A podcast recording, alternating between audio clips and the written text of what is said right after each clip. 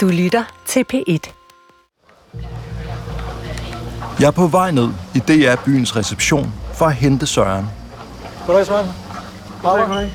Godt at se dig. I lige måde. Jeg har nemlig noget, jeg skal vise ham. Jeg tænker, vi går lige op på øh, redaktionen og henter alle papirerne. Ja. Så, alle papirerne? Alle papirerne. Det skal sådan om. Den er på 93 sider. Øh, altså hele erstatningssagen. Så der er øh, lidt at komme hjem. Det er nu et par måneder siden, jeg stiftede bekendtskab med Søren, Hvis vi kan sidde ved siden af hinanden. Ja.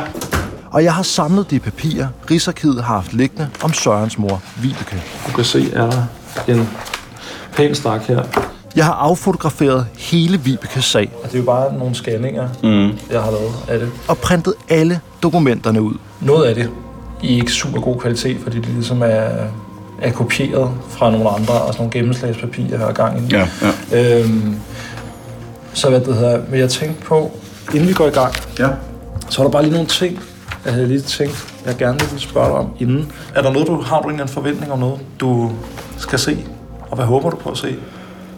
Øhm, jeg tror, jeg har forholdt mig sådan lidt afventende. Øh, sådan, og det tror jeg er sådan personlighedstræk og klog og skade og så videre, fordi det er et rigtig spændende kapitel, som jeg, er jo, øh, som jeg er rigtig glad for, at der er nogen, der begynder at kigge på. Og så er jeg måske også lidt, lidt nervøs. Jeg har jo et stort plaster på i forhold til min relation til mor, og der er ingen tvivl om, at der vil blive revet nogle flere af det plaster, og måske nogle store nogle. Øh, så så det, øh, det spekulerer jeg også lidt på. Noget af det, papirerne forhåbentlig kan besvare, er, hvorfor Vibeke overhovedet skulle have LSD. For hun var bare 17 år gammel, da behandlingen startede. Samtidig åbner Vibekes historie op for et større spørgsmål. Hvor mange andre historier fra mindreårige LSD-patienter ligger gemt i erstatningssagerne? Velkommen til LSD-kælderen. Jeg hedder August Dyrborg, og du lytter til fjerde episode. Børn på LSD.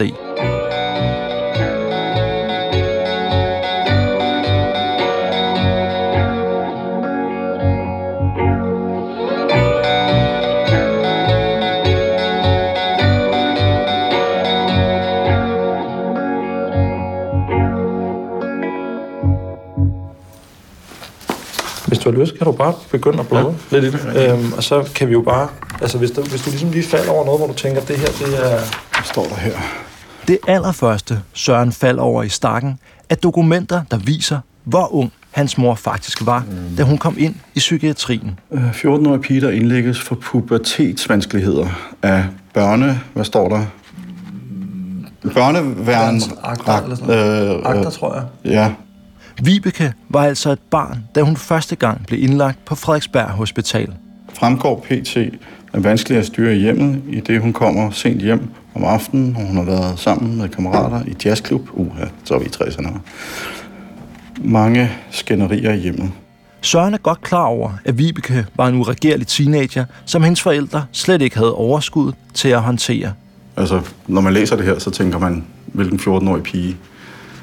Det kan godt være, det ikke er jazzklub, så er det A-bar. Eller, nej, men det er ikke helt unormalt, vel? Altså, det, det er i hvert fald bare fra det første side her at sidde og læse det, ikke? så tænker jeg, jamen, det passer meget godt med det, den del af den historie, jeg kender. Ikke? At, at, at man kan sige, at den, den grundlæggende problematik var, at hun var død besværlig. I journalen kan vi se, at Vibekes diagnose er angivet som pubertetsvanskeligheder. Velbegavet, ja. Og intet psykopatisk over hende. Okay. Alligevel beholder lægerne 14-årige Vibeke i en måned, inden de udskriver hende, og hun bliver sendt på kostskole. Men tre år senere, da Vibeke er blevet 17 år, bliver hun igen indlagt på Frederiksberg Hospital. Og igen med diagnosen pubertetsvanskeligheder. Jeg er simpelthen nødt til lige at se, Ja, om vi kan få en fornemmelse af, om hun har fået behandling her, eller hun ikke har. Og i løbet af den her indlæggelse beslutter lægerne, at Vibeke skal have LSD. Hvis man går lidt længere ned her, Okay. der er den 26. 11. 60, der får hun sin første LSD-behandling. For lægerne mener, at hun er ved at udvikle en såkaldt karakterneurose. Hun er hissig, grænsende til hysterisk, og hendes grundstemning er depressiv, skriver de. Så det er jo på baggrund af, tænker jeg, at det, hun er en forværret tilstand. Ja, At de så har tænkt, nu prøver vi med LSD'en. ja. Modsat mange af de andre sager, jeg har været igennem, så er der en ret udførlig LSD-journal på Vibeke i den stak, som Søren og jeg sidder og kigger på. Godt nok er dele af journalen ret svær at læse på grund af falmet maskinskrift eller ulæselige håndskrevne notater. Okay. Men om den allerførste LSD-behandling står der for eksempel, at Vibeke var så spændt for inden, Spændt på... at hun havde svært ved at sove om natten. Jeg tror også, jeg var lidt spændt på forhånd med dårlig ja. nattesøvn. Ja. Der står også, at den første dosis LSD, hun får, er på 25 mikrogram. Første time af behandling. Sløv, søvnig. 10.30. Hvad står der så? 40. Lidt grædende. Uden at vide hvorfor. Men der sker ikke så meget med Vibeke i løbet af de første LSD-behandlinger. Hun døser i halvanden times tid. Derefter vågen, rolig, ingen bivirkninger. Så lægerne beslutter at skrue dosen op. Nå, Hun bliver behandlet hver anden tredje dag, kan man så læse her. Ikke? Og så på, på under 10 dage, der er de gået fra 25 gamma til 100 gamma. Først efter syv sessioner og LSD-doser på 200 mikrogram, eller 200 gamma, som man også kan kalde det, begynder Vibeke for alvor at hallucinere. Skyggerne danner så meget mærkeligt. Hun har set hænder på gulvet. De lignede hendes egne hænder, men var kloagtige med skældet hud. Hun, hun så på sine egne hænder, var de mærkeligt gennemsigtige. Der var sår i håndfladerne, ligesom skorpedannelse. Trods hallucinationerne er Vibeke, ifølge lægerne, positiv over for behandlingen. Trods det groteske præg er hun ikke ængstelig, hverken under oplevelsen eller mellem scenarierne, er positivt indstillet til behandling. Hvor står der så? Er eftermiddagen lidt pjattet? Men efter mange uger med hyppige LSD-behandlinger, begynder hun at få angst under sessionerne, og hun græder nogle gange voldsomt. Især da lægerne begynder at kombinere de stigende doser, nu helt op på 500 mikrogram, med stoffet Ritalin. Umiddelbart efter Ritalin bliver patienten voldsomt påvirket, kaster sig rundt i sengen, fremstøder uartikuleret hulk og brøl. Og så kom mareridtet. Det var Ragnarok. Det her er Vibeke selv, der i dokumentaren De Sprængte Sind fortæller om sine LSD-trips. Det var orme, slanger og drager. Og der var ikke nogen. Du lå der bare alene. Når det var, når det var aller værst, så, så kom der en. Det kunne de tidsmænd ikke regne ud, når, når, når man nåede en form for klimaks. Og organet et intravenøs injektion af et, et meget provokerende stof, Ritalin. Og så blev jeg kvalt.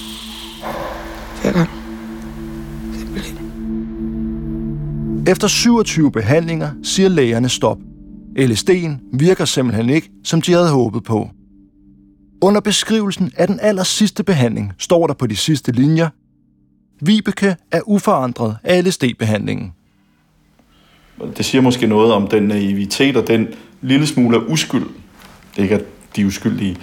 De har tænkt, enten tosset teenager der, men det kan hun ikke forstå, og det virker ikke på hende om, så er det bare det, ikke? På det her tidspunkt er der altså ikke noget, der indikerer, at Vibeke har fået det hverken værre eller bedre af de mange LSD-behandlinger.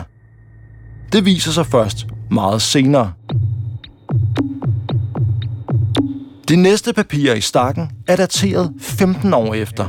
Nej, fra 76, ja. Nu er vi midt i 70'erne, hvor Søren er kommet til verden. Så der er jeg affølt. Da Søren er fire år gammel, bliver Vibeke indlagt igen. Indlægges efter ambulant kontrol. Tydeligt deprimeret. Hvad står her? Der skal... Det her bliver jeg altså nødt til lige at læse, selvom det er lidt langt. I de dokumenter, vi sidder med, ser Søren her de første tegn på konsekvenserne af Vibekes mange LSD-behandlinger. For på det her tidspunkt, mens Søren er helt lille, står der i Vibekes journal, at hun hallucinerer og føler sig forfulgt. Og der står nu, at hun er blevet grænsepsykotisk og maniodepressiv efter LSD-behandlingerne. Okay. Det første, vi stod på i forhold til, til det, hun selv fortalte mig, øh, i forhold til det, der skete for hende, når hun var alene, det her med, at hun hallucinerede, der kom ting ud af væggene. Det er første gang, de nævner, her i i hvert fald, at øh, hun har haft øh, hallucinationer. Det var netop på grund af de her flashbacks, at Søren som teenager blev bedt om at sove i sin mors seng, når hendes mand var ude at rejse. Vibeke Ture ikke sove alene. For når hun lagde sig i sengen, så blev væggene levende, Orme og slanger krøb ud af tapetet, ligesom ansigter og hænder kom til syne. Og det var jo blandt andet på baggrund af den type hallucinationer, som netop var med orme, og nu der står hænder, kan jeg også huske, det har hun også snakket om, at det var de samme, der forfulgte hende hele livet. Vibekes kroniske flashbacks og medfølgende angst medvirker til, at hun får tilkendt mere end den maksimale erstatningssum, da hun ansøger erstatningsnævnet i 80'erne. Og i erstatningsnævnets begrundelse for den store sum står der ganske tydeligt, hvad de mener LSD-behandlingen har betydet for Vibeke. Det kan ikke bevises, at den nuværende dårlige tilstand har anden årsag end LSD-behandling. Der er betydelige angstfænomener og depression. Ville uden LSD-behandling formentlig have udviklet sig normalt. Erstatningsnævnet vurderer altså, at Vibeke kunne have haft et helt andet liv, hvis hun aldrig var blevet sat i behandling med LSD. Hun har gået fuldstændig i stykker efter den behandling der.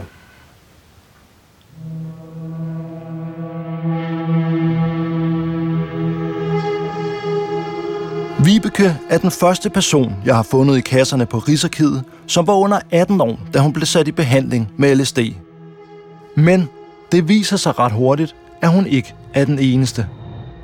For i de brune papkasser finder jeg endnu en person, som blev behandlet med LSD som 17-årig, præcis ligesom Vibeke.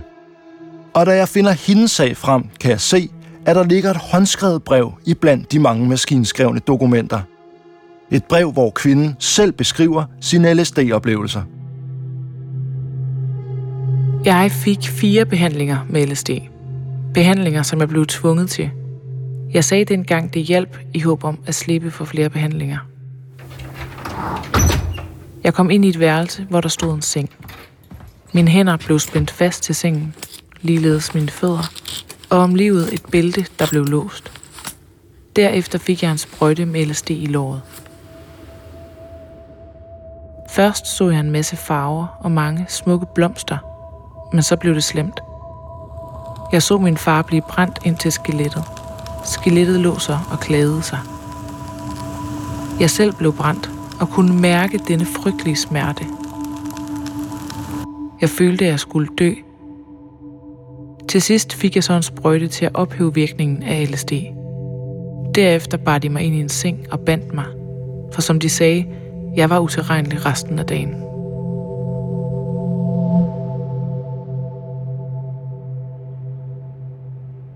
Der er flere ting, der overrasker mig ved den her sag, da jeg sidder i Rigsarkivet og læser den igennem. Der står at hun fik tre LSD-behandlinger. For det første er hendes startdosis højere end nogen andre LSD-patienter, jeg har stødt på. Første gang får hun 200 mikrogram. Så 400 den anden gang. Og tredje gang får hun 800 mikrogram. Wow. Hold da. 200 mikrogram, det er for eksempel fire gange mere, end hvad Gunnar Sandvej fik til sin første LSD-behandling. Så står der her. Det andet er, at hun skriver, at LSD'en blev givet under tvang. Hun fik ikke forklaret meningen med behandlingen. Og blev under protest og mod sin vilje ført ind på stuen. Hun siger, hun blev bæltefixeret, før hun fik sprøjten. Fixeret og oplevede den største angst ved behandlingen. Det er jeg ikke stødt på før. Det tredje, der overrasker mig, er lægernes tro på, at LSD skulle hjælpe mod anoreksi. For de mener simpelthen, at hun er kureret for sin anoreksi efter tre omgange med LSD. Efter behandlingen erklærer patienten, at hun aldrig har befundet sig så vel. Skriver lægen altså her. Men hendes journal viser efterfølgende et helt andet billede. For i flere år efter lider hun stadig af anoreksi og bliver genindlagt med samme diagnose. En speciallæge, der bliver bedt om at vurdere konsekvenserne af hendes behandling i forbindelse med erstatningssagen, kalder LSD-kuren for både utraditionel, ikke særlig velbegrundet og ganske uden indflydelse på patientens anoreksi. Oven i købet gav LSD'en hende nogle nye problemer at slås med, hvor hun oplyser, at hun har lidt af hyppige mareridt lige siden. Natlige mareridt med genoplevelse af LSD-seancerne. I begyndelsen, straks efter behandlingerne, var mareridtene til stede næsten dagligt.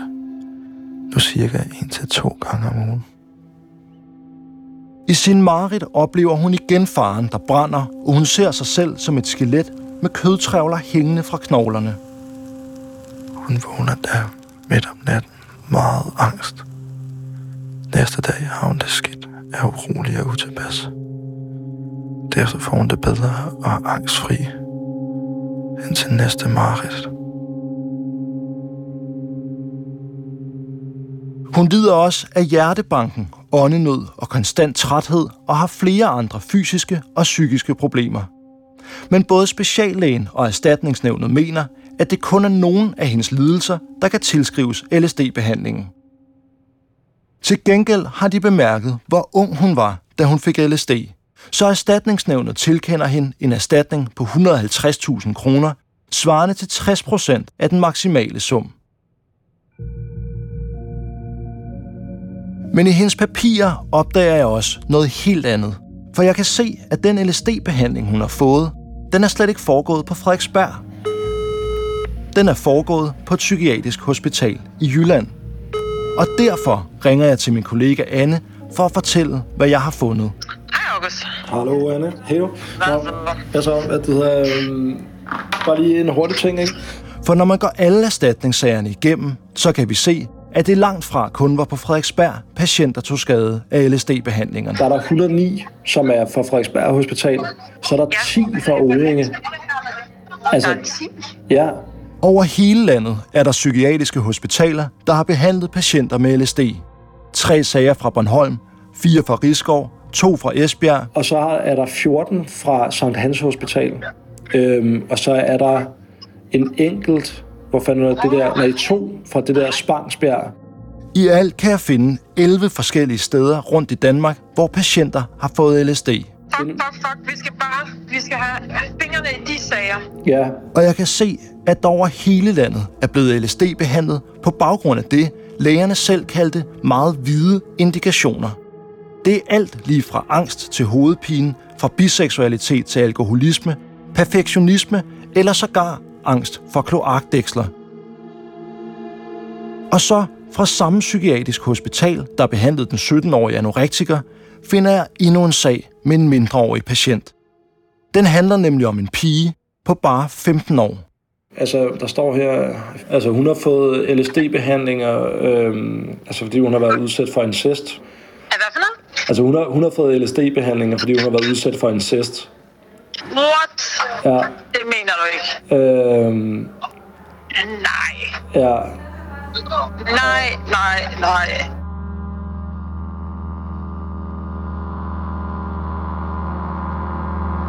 Den sag, jeg har fundet i en af de mange brune kasser, indeholder næsten 100 maskinskrevne sider med epikriser, speciallægeerklæringer og breve skrevet af patienten selv. I et af dokumenterne står der 15-årig pige indlagt på grund af funktionelle anfald, da patienten har været udsat for svære seksuelle attacker. Hun får i alt LSD fire gange med stigende doser helt op til 300 mikrogram. Og også her mener lægerne, at LSD-behandling er en stor succes. De skriver, patienten, der er normalt begavet, hævder herefter overbevisende, at hun nu har fået fuldkommen redde på sit ubevidste sjæleliv, og hun udskrives i velbefindende. Men de ting, patienten selv beskriver, da hun senere søger erstatning, fortæller en helt anden historie.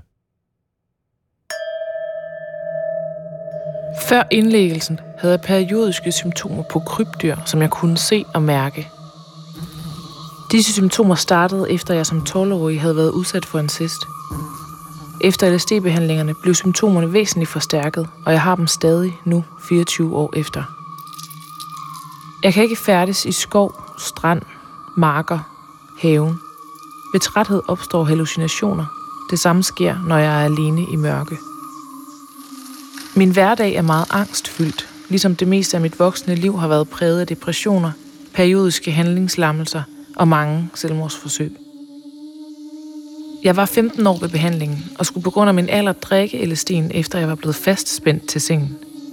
Jeg oplever stadig smagen og virkningen i bestemte situationer, og kan ikke opholde mig i små rum, bruge sikkerhedssele eller bevæge mig i menneskemøller. Min tilværelse er i perioder et sandt helvede.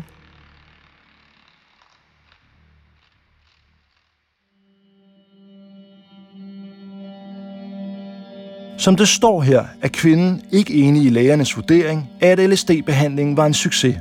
For som hun skriver til erstatningsnævnet, led hun af hallucinationer i forvejen, og LSD'en gjorde det kun værre. Og præcis ligesom den 17-årige anorektiker, så skriver hun, at også hun blev bæltefixeret, før hun fik LSD. Ifølge hende var der tale om tvang. I stakken af papirer finder jeg en psykologisk vurdering, der er blevet lavet af kvinden i forbindelse med erstatningssagen. Vurderingen beskriver, hvordan patienten oplever voldsomme hallucinationer under LSD-behandlingen, og hvordan de oplevelser påvirker hende efter behandlingen er slut. Efter udskrivning oplever hun at være faldet fra hinanden, kan ikke opleve, at kroppen hænger sammen, mister koncentrationsevnen og evnen til at være vedholdende målrettet. Hun begynder at høre stemmer, der dirigerer med hende og oplever sig jævnligt ud af kroppen. At være to til tre steder på én gang. Og så slutter psykologen af med, ligesom kvinden selv gør, at konkludere, at behandlingen ikke har kureret hende, snarere tværtimod. Det er mit bestemte skøn, at LSD-behandlingen dels har forværret de oprindelige angstsymptomer, dels har medført flere nye gener, som har haft afgørende betydning for et livsforløb. Det anbefales, at den bevilges maksimal bestatning for gener og stærkt forringede muligheder for en normal livsførelse efter LSD-behandling. Og erstatningsnævnet er mere end enige med psykologen, for jeg kan se, at de også i hendes tilfælde tilkender hende en erstatning, der ligger over maksimum. Ligesom det gjorde med Sørens mor, Vibeke.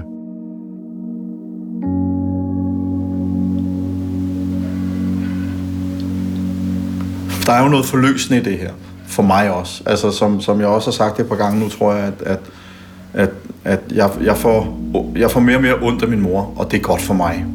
Altså, fordi jeg har været så sur på hende hele mit liv.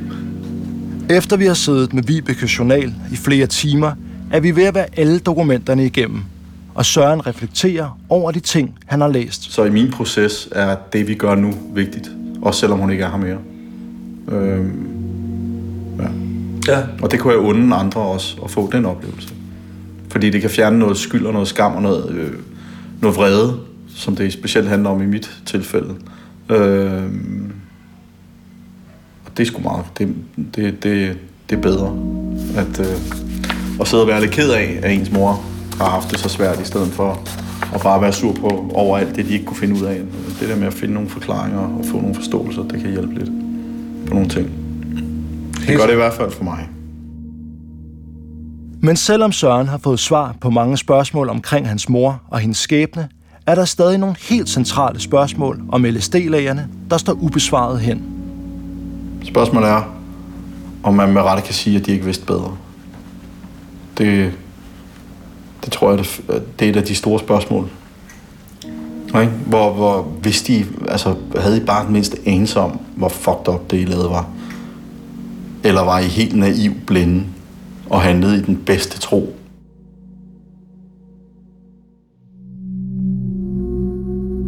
Vi har svært ved at svare på, hvad Annegret Jørgensen og de andre LSD-læger på Frederiksberg har haft af tanker om deres behandling.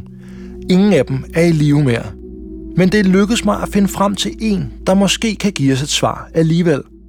For han har rent faktisk mødt Annegret Jørgensen. Og han har, ligesom mig, læst alle LSD-sagerne igennem. Jeg mener, det er jo overraskende lidt opmærksom på bivirkninger. Drab, selvmord, selvmordsforsøg, det, det, det er jo ikke, det, det kan jo ikke finde sted. Ikke? Det, at, at, at, at, at, at det ikke bør få alle alarmklokker til at ringe.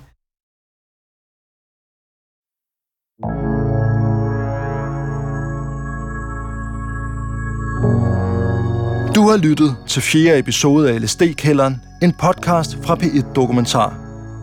Vi har forelagt fakta og kritikpunkter, der fremgår af podcasten for psykiatrien i alle de regioner, hvor patienter er blevet behandlet med LSD.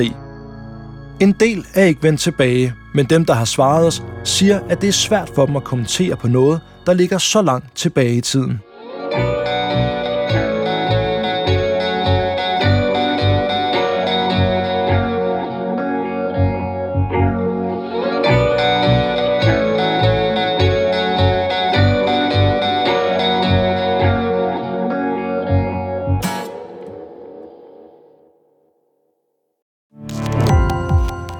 Gå på opdagelse i alle DR's podcast og radioprogrammer. I appen DR Lyd.